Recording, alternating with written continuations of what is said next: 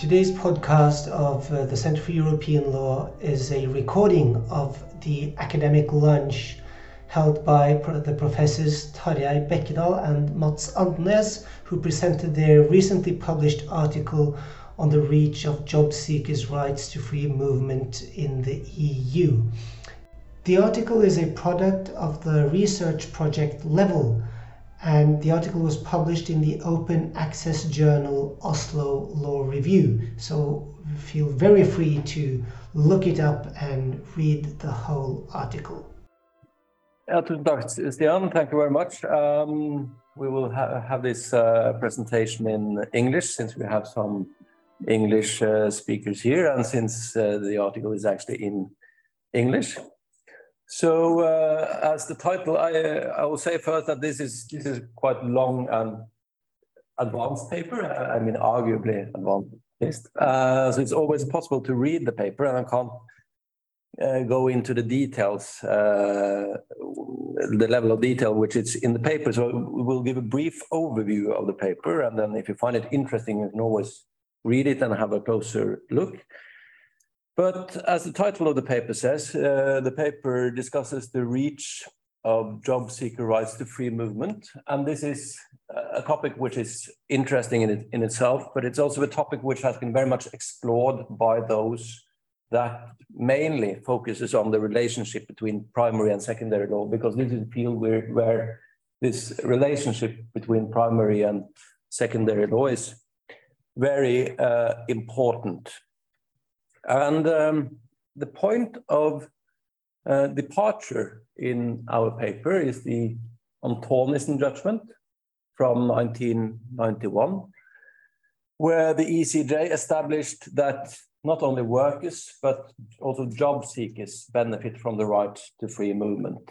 And the ECJ said that job seekers must benefit from the right to free movement to make the right of free movement of workers effective.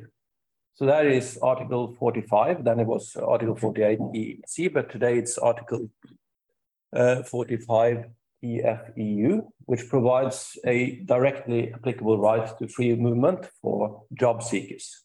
So job seekers can rely directly on the treaty. Um, and then the question is how to apply Article 45, and as I will return to how to apply uh, Article 45 if, if there is also secondary law in the field. But in the Antonissen judgment concerned the right to stay in a host member state to apply for a job. And the question was, for how long uh, do you have the right to stay in the host member state? And I think there are two things that are important in the judgment of the uh, in the Antonissen judgment. Uh, and the first thing is that the ECJ said that uh, Article 45 has to be interpreted and applied in light of the principle of, of efficiency. So uh, the reach of Article 45 with regard to job seekers is in a way the, the, the, the reach which is necessary to make Article 45 effective. And then they had to assess the the length uh, of the period that you're entitled to stay in the host country. And they said uh, in a kind of vague manner that uh, since it's a matter of efficiency, you have the right to stay for a reasonable period of time.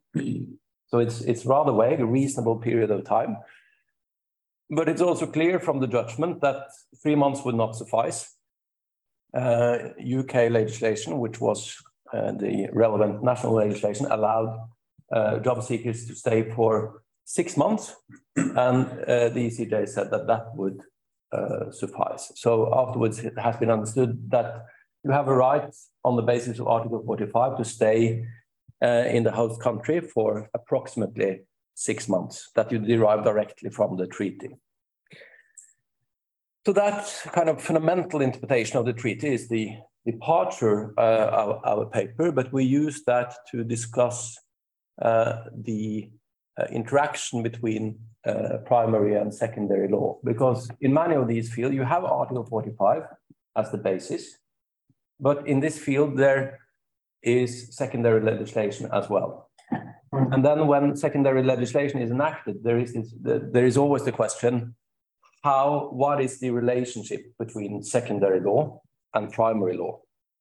And I think uh, the most common approach is what we refer to as the I don't know if I'm able to say it, it the hierarchical. It's very difficult for me. It's it, I, I've, tried so many times, but it, it's simply a word I, I, I don't use probably because I'm Norwegian, so everything is equal. So hierarchy is very difficult. Uh, but it's the hi hierarchical, impossible uh, approach. Um, and within this approach, it's quite common to regard secondary le legislation as exhausting the right to free movement. So very many of these who, who use this approach uh, tend to, when there is secondary legislation, they tend to make quite broad antithesis from the regulation. So you have the right to free movement that is specified in secondary legislation, uh, and that's it. You have that right, but they, they interpret it antithetically so that you don't have other rights. But we argue that the rights in primary law and in secondary law apply in parallel. So uh, that is, uh, I, I, will not say that it's a new approach, in particular because we claim that it's the approach of the ECJ. Uh, but compared to the exist existing literature, we provide a different explanation to the uh, practice of the ECJ, which is very often criticized for being incoherent and so on, but we find it to be uh, quite coherent. So we argue or establish a hypothesis that uh, the, the rights at the level of um, at the level of secondary uh, law and the, at the level of primary law can be applied in parallel. Um, and we say that, in fact, it's very difficult to harmonize free movement so that uh, treaty rights are no longer possible to, to apply. First, we, we, we explain this, uh, this approach on page eight uh, of the paper. Uh, and we say first, A, that there exists no single free movement principle or rule that can be made subject to full harmonization. There are many fundamental freedoms, like for citizens, for workers, and so on. Uh, and at most, you can harmonize one of these freedoms in one particular context. So, for example, as we saw in the NAV case of the EFTA court, um, you can apply free movement the right to free movement of services. Although free movement of workers, uh, which is the basis for, for the regulation 883-2004 on social uh, security, whether that it might be that that has been regulated, but you can't also say that the right to receive services have been uh, has been uh, harmonized. So that will apply in parallel. So that's just one example. Uh, the other more kind of principal observation is that um, when secondary legislation is issued, it normally uh, it's normally with the ambition to improve free movement. So it creates uh, a floor for the free movement, right? But generally not the ceiling. So it uh, says normally that there are some, for example, mandatory requirements that are available under primary law that you cannot rely on. That this is very visible in the social security regulation as well, because it says in articles four, five, and six and seven in the social security regulation that exceptions must be found within that regulation.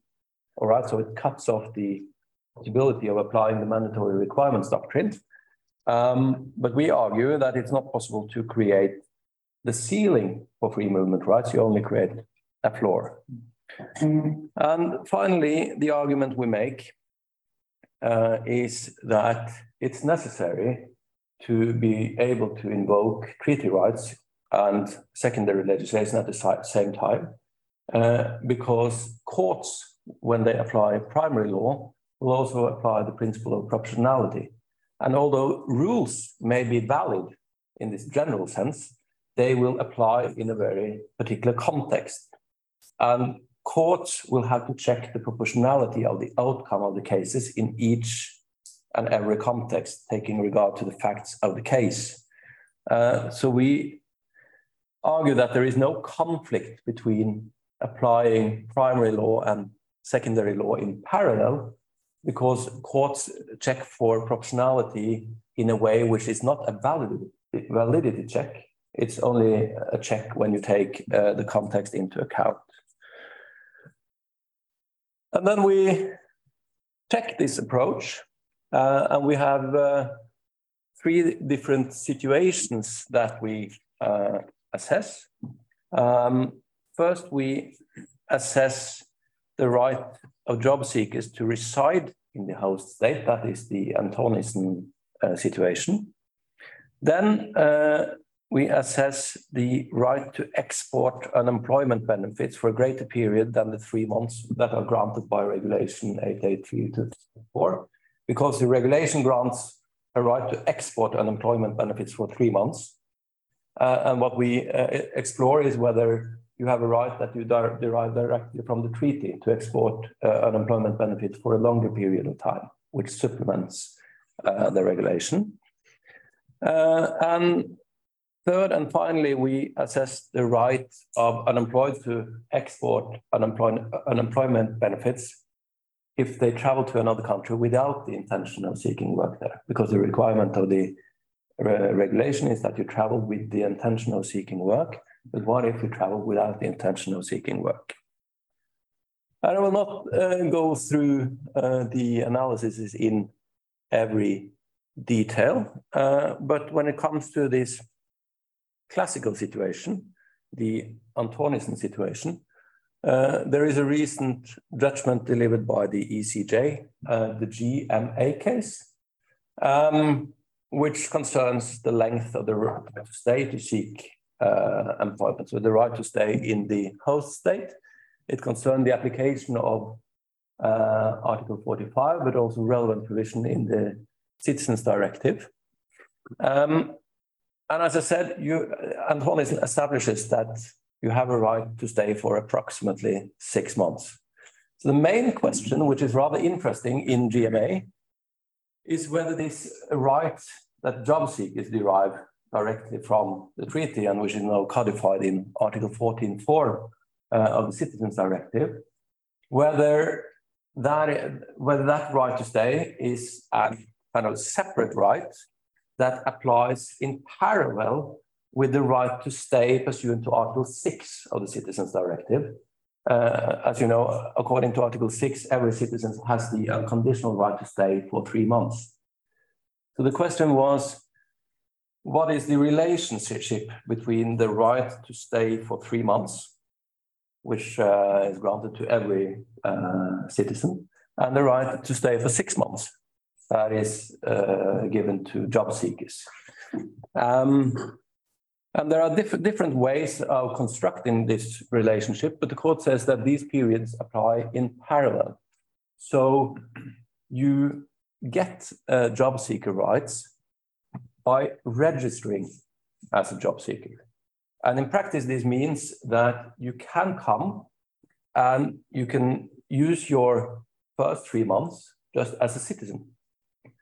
Uh, and then you can register, and then you will have six months as a job seeker, which effectively, if you combine your rights that apply in parallel, will give you a period of nine months. And this is not the normal system in the member states because normally they say that these, uh, these rights do not apply in parallel, so that you only have, as a job seeker, six months from you come, but you have six months from you register uh, as a job seeker, and then you can combine the rights. And we have not, we have not um, looked at Norwegian law uh, at all uh, in the paper. Uh, but this is uh, handled by Article 100 or paragraph 111 in the Utlendingslov.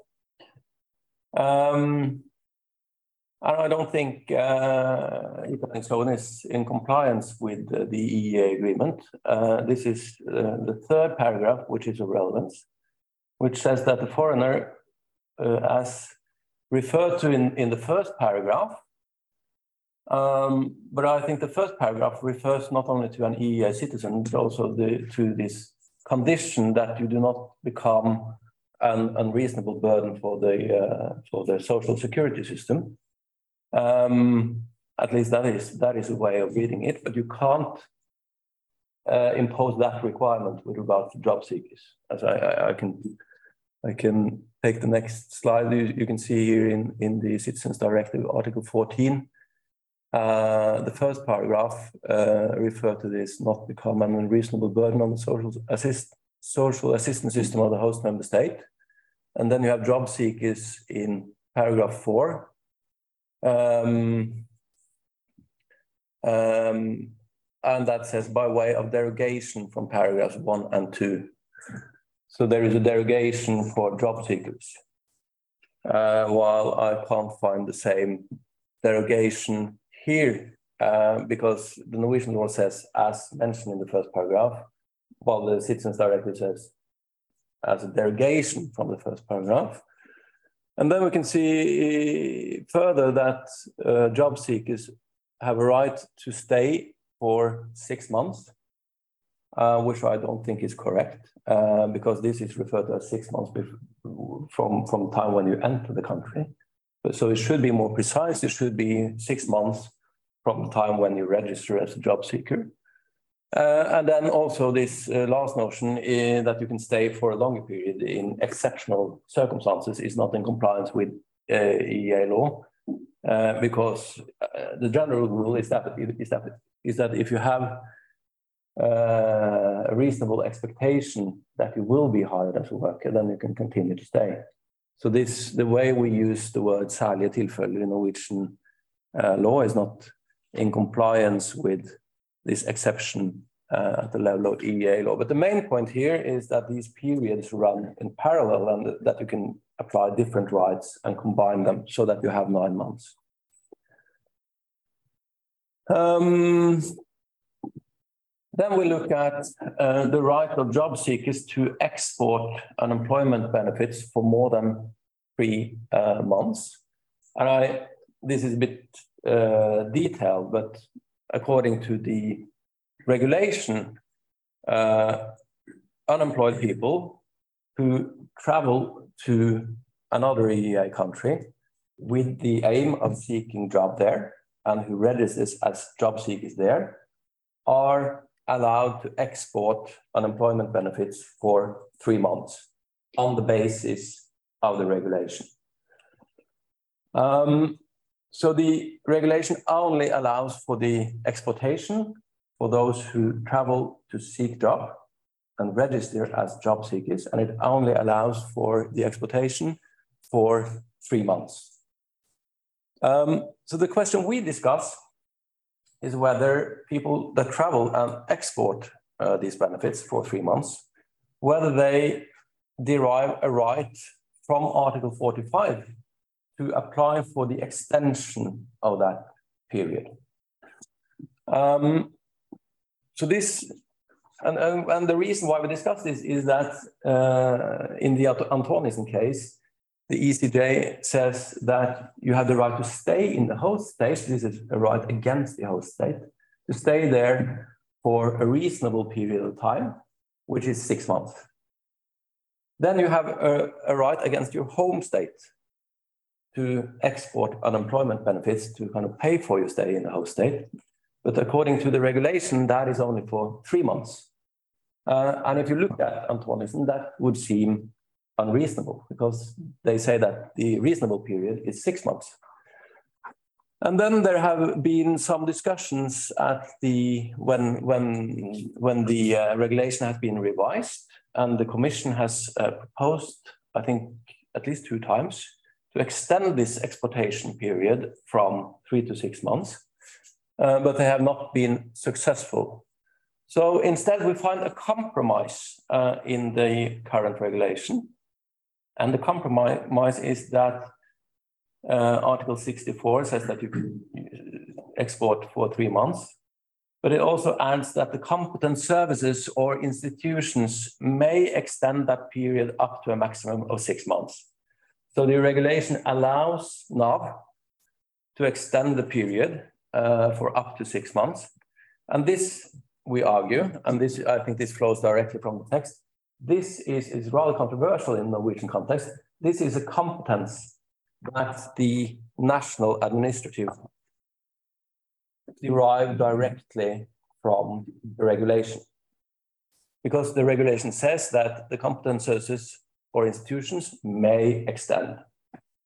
And then, of course, uh, there is a question, uh, when uh, can you extend and when do you have the obligation to extend, if you have such obligation at all? And we try to check, we will argue that you have the uh, obligation to extend the exportation period if that is necessary to respect the effectiveness of Article 45. So, for example, if you have exported unemployment benefits for a period of three months, and then you are very close to getting a new job, but then Norway or the competence says that, well, you are not allowed to export it anymore and refer to the regulation, we will argue that this must be in breach of Article 45 uh, which grants the effectiveness of the right for workers to, to travel. Um, and this has been handled by uh, the ECJ, in this case referred to here, uh, Schiphorst. Um, and the ECJ said, uh, when it interpreted this uh, provision, this competence in in uh, the regulation that it must be interpreted as not precluding a national measure such as that at issue in the main proceedings that requires the competent institutions to refuse as a matter of principle any request to extend the unemployment benefit period beyond three months. So I think it was Dutch authorities that had this general policy that we do not want to extend that period. So that is the general policy. We, we uh, we prefer not to, uh, to extend it. Um, but then the ECJ added that uh, they can be loyal to the uh, lawmaker uh, or the instructions from the ministry. Uh, in the, the, administration can be loyal to the extent that the institution does not consider that refusing that request, which means the request for an extension, would lead to an unreasonable result. And, and this is the same language as in Antonissen, where the ECJ said that you have the right to stay for a reasonable period. Um, so if what you can derive from the conclusion of the ECJ, which is as vague as Antonissen, but the, what you can derive is first that the institution it says does not consider, you have a duty to consider. So if you get an application for an extension, you have to consider that uh, application. And further, you are not allowed to refuse that application if that would lead to an unreasonable result. And I don't go, go through all the details, but uh, the ECJ refers to Article 45 and its effectiveness in that judgment. And one way of understanding is, is that the national administration has this duty to check whether the rejection uh, of an application for extension will be in compliance with Article 45. Uh, and again, we don't look at Norwegian law, but I don't think Norwegian law is in compliance for two reasons. Uh, this is dagpengeforskriften, which says that the period, the period uh, uh, a recipient of unemployment benefits can keep uh, unemployment benefits uh, according to the regulation cannot be extended, period. Uh, and I don't think this is in compliance with uh, the regulation. I mean, for, for several reasons. First, regulations must be implemented as such. And this is not uh, an implementation as such. And secondly, uh, Norwegian law says that it can't be extended. And I think this is uh, contra legem if you compare to the text of the regulation, because it says that you may extend. And of course, then the ECJ has said that, well, you can impose several conditions. So they, they accept that the lawmaker, national lawmakers, impose several conditions, including very restrictive conditions.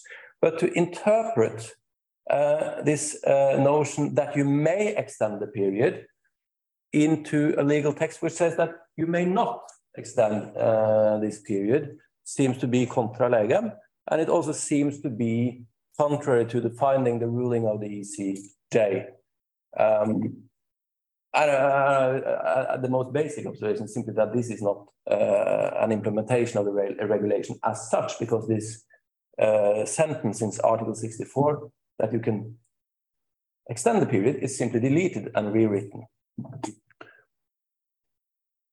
Um, yeah, so we uh, argue, uh, coming back to the paper, that you can apply Article 45 and the regulation in parallel, uh, and in if the circumstances uh, so allows, you can uh, you can export unemployment benefits for six months if you combine the two rights. And then uh, the last issue we uh, consider, and I will be very brief here because we have discussed this uh, before, but the last situation we consider is the right of people that uh, get unemployment benefits to, I, I mean, the, the, word export is, is wrong here, but I, we, we analyze the right of recipients. Basically we analyze the free movement rights of recipients of unemployment benefits because exportation is when you use the word exploitation, that is exploitation as mentioned in the regulation. And the regulation and the right to export uh, unemployment benefits on the basis of the regulation applies if you travel to the host state with the intention to seek work there and you register as a job seeker there. Uh, so what we discuss here is what if you receive unemployment benefits, for example, from the Norwegian state, and you have no intention to export them uh, on the basis of the regulation simply because your intention is not to travel to seek work in a different country. Your intention is to travel, for example, to buy services, to meet your family, uh, to use your property, and so on. And this is not regulated by uh, the regulation at all because it only the export right in the regulation only applies if you travel with the intention of seeking work in the host state and uh, register as a job seeker there. And here you can see this is crucial in a way with regard to what we discussed in the paper. Do you understand that antithetically or are there different rights applying in parallel? And would be rather strange if you have an exportation right uh, for three months. Uh, uh, and that's, that's, that exhausts any free movement right. So if you don't register as a job seeker when you travel, then you can't travel. So we argue that, uh, again, you can apply free movement rights uh, and the rights that derive from the regulation uh, in parallel. and this seems uh, clear. Uh, for example, in this uh, Testa case, where ECJ says that the export regime of the regulation is optional. You can opt in, but if you don't, the normal system applies. And the normal system is uh, the treaties. So we find that in this situation, you have the same right uh, to choose between different sources that apply in parallel, as in GMA. So we compare, but I will not do that here, but we compare the GMA case and this situation, and it's actually very, very similar. So that you choose uh, which right to, to use. Um, yeah, and this has been applied differently in, in Norway. We don't touch upon that in the, the paper. Um, but as we have mentioned, I think I don't even remember if we presented this on a lunch before, but we have, uh, have at least written about it. Um, and in Norway, you are penalized for traveling abroad with unemployment benefits if you do that outside the regime of the uh, regulation on social security. So, for example, we had this one case uh, where one citizen got five months in prison for being mainly in Denmark while he received uh, unemployment benefits, while, as far as we can read the judgment, he complied with all the other requirements. Um, we find that to be wrong. We have written about this uh, several places, and I think it's wrong for many reasons. One thing is that it's misapplication, misunderstanding of the relationship between primary and secondary law. Basically, uh, the basic view here is simply that if you do not travel within the small ambit of the regulation, which means with the with the intention to seek work in the host state, then you are not allowed to travel at all, which means you have no free movement rights. Uh, and then we can have the requirement of presence, and it's fraud if you travel uh, in, in violation of the requirement of presence.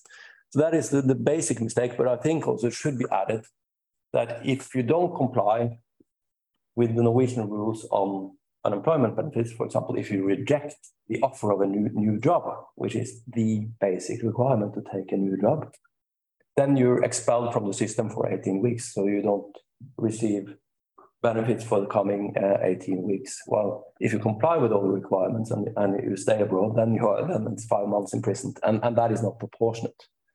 So that is another matter. Even if you accepted this approach, you would have to discuss whether five months in prison is proportionate, and it's not. It's blatantly wrong. Um, yeah, and I think what we argue is, to some extent, perhaps somebody will will regard it. This is a very kind of uncontroversial paper because we don't refer to to Norway at all. Uh, compared to Norwegian legislation, some some some could perhaps understand it as controversial, but it's very, it sits very well with the practice of the ECJ. Uh, for example, the Baumbast uh, judgment, uh, which uh, says that when, when uh, there is secondary legislation, uh, you must also apply primary law, and in particular the principle of proportionality. And basically, we have no objections to that. That is the view that we uh, develop in, in this paper. Uh, but that requires that even though there is secondary legislation, uh, you have to apply and check with the treaty rights that apply in parallel. And most importantly is then that proportionality will be checked. Yeah, I think I stop there. It's a long paper and and if you want more details, and if I, I was probably unclear on many points, but then, then you can always check with the paper. Thank you.